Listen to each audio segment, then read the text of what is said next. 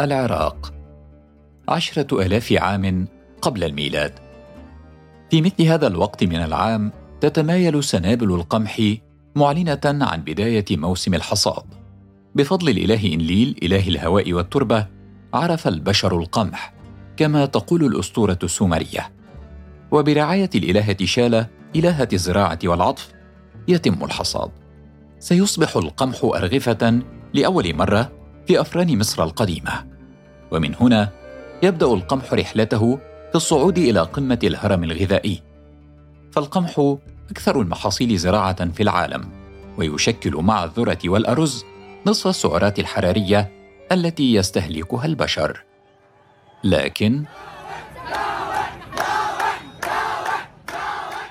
الجوع يغزو العالم من جديد. في الوقت الذي يتوقع فيه أن يزيد إنتاج القمح هذا العام عن 776 مليون طن بزيادة سبعة ملايين طن عن الموسم السابق فإن مئات الملايين من البشر عرضة لخطر المجاعة بالرغم من أن الأقماح زادت إلا أن الأرغفة قلت ولذلك تفاصيل وفي التفاصيل أزمات. الحرب الروسية الأوكرانية ربما تكون فقط القشة التي قسمت ظهر البعير. أستضيف زميلي محمود الشعراوي الذي أعد وأخرج هذه الحلقة. لنستكشف معا حكاية القمح قبل أن يكون رغيفا. القمح قبل أن يكون رغيفا. هذه حلقة جديدة من بودكاست فصول. أنا أحمد خير الدين. مع نروي فصول الحكاية. أهلا شعراوي. خير أهلا وسهلا. القمح قبل أن يكون رغيفا. ماذا كان؟ ما فهمته بعد الإعداد لهذه الحلقة أن القمح هو عبارة عن مياه، أسمدة، طاقة وشبكة نقل عالمية معقدة للغاية. وعالم مستقر. وبكل تأكيد عالم مستقر بلا حروب. منذ سنة عملت في الموسم الأول من فصول على حلقات مهتمة بالغذاء ومشكلاته. صحيح. الحلقة الأولى في هذه السلسلة من حلقتين كانت عن مشكلات الغذاء التي تواجه الأمن الغذائي العالمي. وفي هذه الحلقة استضفنا الدكتور فاضل الزعبي الخبير السابق في الأمم المتحدة. وللأسف البلدان النامية فيها أعلى نسبة جوع تقريبا أكثر من 13% يعني بالرغم من أنه أعداد الجياع بآسيا أكثر يعني تقريبا ثلثين الجياع هم موجودين بآسيا إلا أنه نسبة الانتشار في أفريقيا أعلى كنسبة. فهذا من المؤشرات السلبية جدا. إحنا بنتحدث على أنه واحد من كل أربع أطفال يعني في سن الابتدائية يعانوا من الجوع. هم تقريبا 66 مليون طفل دون الخامسة و23 مليون منهم في أفريقيا. أما في الحلقة الثانية خير فكانت عن الحلول التكنولوجية لمستقبل الغذاء. وفي هذه الحلقة استضفنا من شاهين مؤسسة تطبيق تكية. اكتشفت إن تلت الأكل اللي إحنا بننتجه بيترمي وإن إحنا بننتج سنويا اللي يكفي العالم كله مرة ونص. بس عندنا مجاعات وناس فقيرة وناس مش لاقية تاكل وناس بتصرف قد كده على الأكل. عندنا على الأبلكيشن. كنا بنطلع مثلا ألف وجبة في اليوم للناس المتضررة من الكورونا أو الناس اللي بتشتغل في مستشفيات الحميات عمال النظافة الممرضات الدكاترة اللي بيحصل للمطعم بيحط قائمة الطعام كلها بتاعة المطعم. المطعم بيجي كل يوم وبيشوف إيه الحاجات اللي قربت تترمي بكرة فإيه الحاجات دي عايزة أبيعها النهارده. ما الذي اختلف منذ هذه الحلقات محمود؟ المتغير الأكبر هو تحدي توفير سلعة غذائية رئيسية مثل القمح لملايين الناس حول العالم. أرقام البنك الدولي خير تقول أن 193 مليون شخص يعانون بشدة من انعدام الأمن الغذائي بزيادة 40 مليون شخص عن المستويات القياسية التي وصلنا لها أيام الجائحة. ذكرني هذا بنقاش مع أحد الخبراء في البنك الدولي سمى هؤلاء بالفقراء الجدد. خير البنك الدولي افتتح تقريره كالآتي كثير من دول العالم تواجه مستويات متزايدة من انعدام الأمن الغذائي. وذلك يمثل تراجعا عن المكاسب التنموية التي تحققت في السنوات السابقة ويهدد أهداف التنمية المستدامة 2030 وبعيدا عن البنك الدولي تعال ننظر إلى الأرقام. مؤشر أسعار المنتجات الزراعية ارتفع بنسبة 40% عن يناير 2021 أسعار القمح زادت أكثر من 60% حين يتحدث البنك الدولي عن دول العالم فهل الجميع سواء في هذه المعاناة؟ صحيح كل دول العالم ستتأثر لكن ليس بالتساوي. لأن الدول متفاوتة في متوسط دخول الأفراد. بلد مثل سويسرا متوسط دخل الفرد 80 ألف دولار أو أكثر. في حين أن البلدان الفقيرة يتراوح دخل الفرد فيها في العام بين ألف دولار وأربعة آلاف دولار. مع ذلك في البلدان الفقيرة يصرف الناس أكثر من 40% من دخولهم على الغذاء مقابل 17% فقط. يصرفها الناس في البلاد الأكثر تقدماً. التفاوت في الأرقام هذا التفاوت في الأرقام يقول الكثير. بعيداً عن الأرقام دعني أشارك معك قصة حكتها لي شيماء عشري وهي متطوعة مصرية ورحالة. تسافر بلاد مختلفة بغرض التطوع. شيماء حكت لي قصة من كينيا. والله يا محمود يعني أنا عايزة أحكي لك على رحلة عملتها لكينيا. كانت الحقيقة رحلة تطوع وكانت ملجأ للستات المعنفة جسديا وجنسيا. وإيه اللي حسيتيه لافت في رحلتك؟ كنت فاكرة إن أنا يعني هبقى قاعدة في مع البنات وفي ملجأ وباكل معاهم وبشرب معاهم. وفعلا ده اللي حصل بس الخضة كانت إن إحنا الملجأ ده نفسه كانوا بيزرعوا حاجتهم بنفسهم. وعايشين على الأكل اللي بيعملوه اللي بيزرعوه. بيبيعوا من المحصول حبة وبياكلوا طبعا حبة ومربيين فراخ وكنا بناكل فرخة في الشهر. أمال كنتوا بتاكلوا إيه في الوقت ده؟ كان عندهم كده حاجة كنا بناكلها كل يوم على الظهر حاجة اسمها sukuma wiki. دي زي الملوخية كده بالظبط بتتعمل أو زي السبانخ. تمام. والعشاء كان بيبقى حبوب الذرة وحبوب الفول. وهل قدرتي تتأقلمي مع الوضع ده؟ أنا فعلا جيت بعد فترة بقيت أنا مش قادرة أكل الأكل ده فبقول لهم طب أنا عايزة أكل حاجة تانية. فاكتشفت إنه علشان بيحافظوا على ال... يعني الموارد بتاعتهم فهم بيبقوا عادين بالظبط إحنا ممكن ناكل كام بيضة في الأسبوع وده بيبقى اكوردنج للفراخ اللي هتبيض. ونقدر ناكل كام ناكل كام فرخة في الشهر وأنهي فرخة اللي تتاكل عشان طبعا مش هناكل فرخة بتجيب لهم خير. وطبعا اللحمة دي ما يعني قدام بقى يعني عشان نذبح لحمة هتقعد معانا شهر ما حضرتهاش بقى أنا دي. أها فهمت. يعني هم عندهم أكل بس ما عندهمش رفاهية استهلاك وما عندهمش الموارد لشرائه طب انت عملتي إيه؟ بدأت في الآخر بقول لهم طب طب أنا ممكن أشتري من البيت بتاعكم بتاع المزرعة لأن أنا وصلت يا محمود لدرجة أنا أنا مش قادرة آكل كل يوم عجينة رز بالسبانخ. يعني الموضوع كان بالنسبة لي أنا أنا مرة في وجبة نزلت لي أنا عيطت يعني كنت بعيط مش مع إن أنا مش مدلعة يعني. امم يعني أن الغذاء قد يتوفر لكن القدرة على شرائه قد تكون غير موجودة. وفي أحيان أخرى يصعب توفر الغذاء. يعني على سبيل المثال المساحة المزروعة من الأرض في البلاد العربية تقل عن 4% من إجمالي المساحة الكلية لهذه البلاد وذلك يجبر العالم العربي أن يعتمد في أمنه الغذائي على الاستيراد من الخارج. يعيدنا هذا إلى ما تحدثت عنه بعض الحكومات أثناء الإغلاقات الخاصة بفيروس كورونا عن أن الدول لابد أن توفر احتياطاتها وأن تكتفي ذاته فهل هذا ممكن؟ هناك معهد اسمه International Food Policy Research Institute. يقول إن الأمر محل جدل. هناك رأي يقول إن تحقيق الأمن الغذائي ضروري مهما كلف الأمر. وهناك رأي آخر يقول إن كل دولة لابد أن تركز على ما تستطيع فعله أو صنعه جيدا. وبالتالي تحقق فوائض مالية. هذه الفوائض تمكنها من شراء احتياجاتها الغذائية من السوق العالمي. لأن الدول مختلفة سواء في ظروفها أو مناخها وبالتالي فهي تزرع وتنتج أشياء مختلفة. كلمة المناخ هنا كلمة مفتاحية ومهمة للغاية خير. تغير المناخ بيعيق إنتاج الغذاء واحد أسباب الأزمة في نقص في المعروض الغذائي. لأنها ظاهرة طبيعية مثل ظاهرة النينو التي تصنع فيضانات في بعض الدول وجفاف في مناطق أخرى. يعني في فيضانات اجتاحت إندونيسيا وبنغلاديش العام الماضي.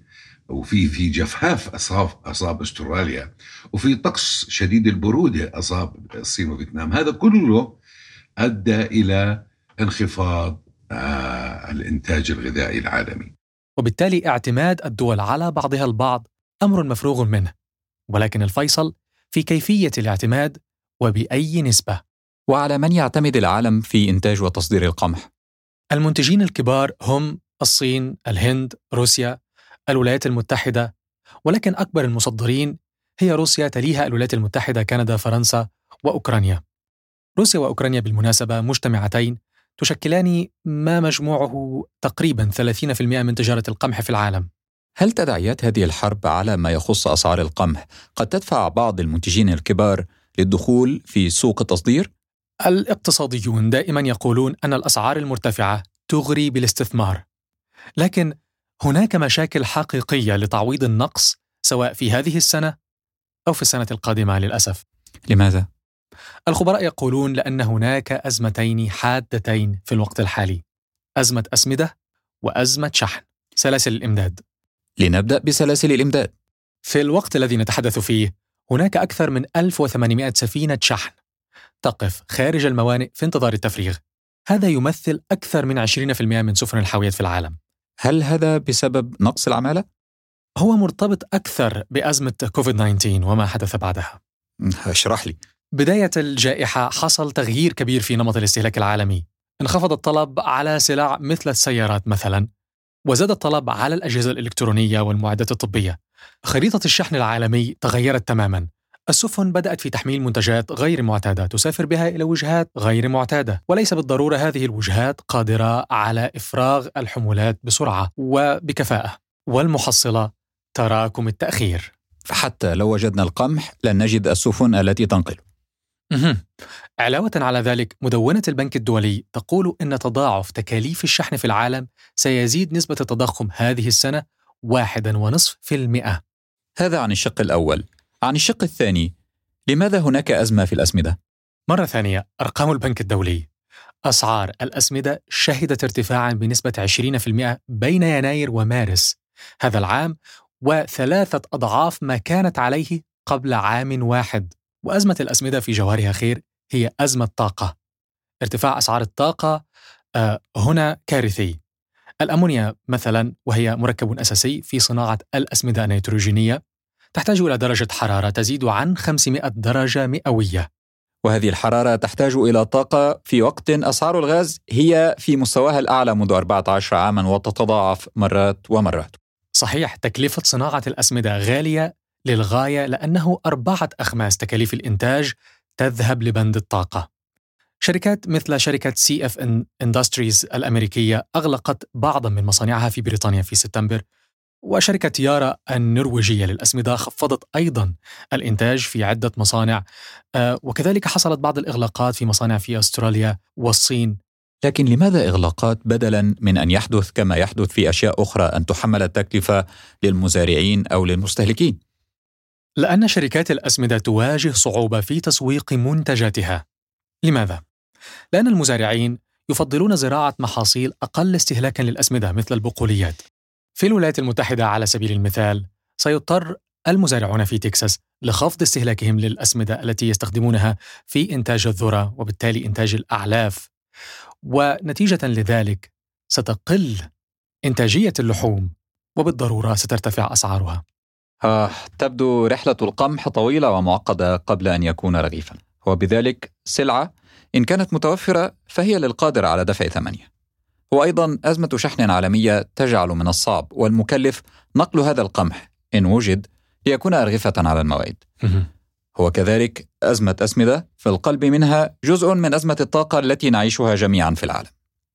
ماذا سيفعل العالم مع كل هذا محمود؟ رؤساء البنك الدولي وصندوق النقد وبرنامج الأمم المتحدة للغذاء ومنظمة التجارة الدولية دعوا في بيان مشترك المجتمع الدولي للتصدي لمشكلة أمن الغذاء. عن طريق إبقاء طرق التجارة مفتوحة ومساعدة الدول الأكثر احتياجا على تدبير احتياجاتها الغذائية. أما عن الدول العربية فقد تحدثنا في الحرة مع الدكتور فاضل الزعبي مجددا منذ أسابيع قليلة وسألناه عما يمكن فعله لدينا الإمكانيات ولدينا الأراضي ولدينا آه، حتى الإمكانيات المادية للاستثمار المشترك والتبادل وبإمكاننا نرفع هذه القيمة لكن يعني نحتاج فقط بالضبط إلى اولا القرار السياسي من أصحاب القرار في الشأن الزراعي بأن يكون هذا الموضوع ذو أولوية من أجل التنمية الشاملة. التعاون فيما بين الدول الدول الغنية التي لديها المال في مع الدول التي لديها الأراضي وليس لديها التمويل. آه ثلاثة إدخال التكنولوجيات الحديثة واللي تقاريركم أشارت إليها.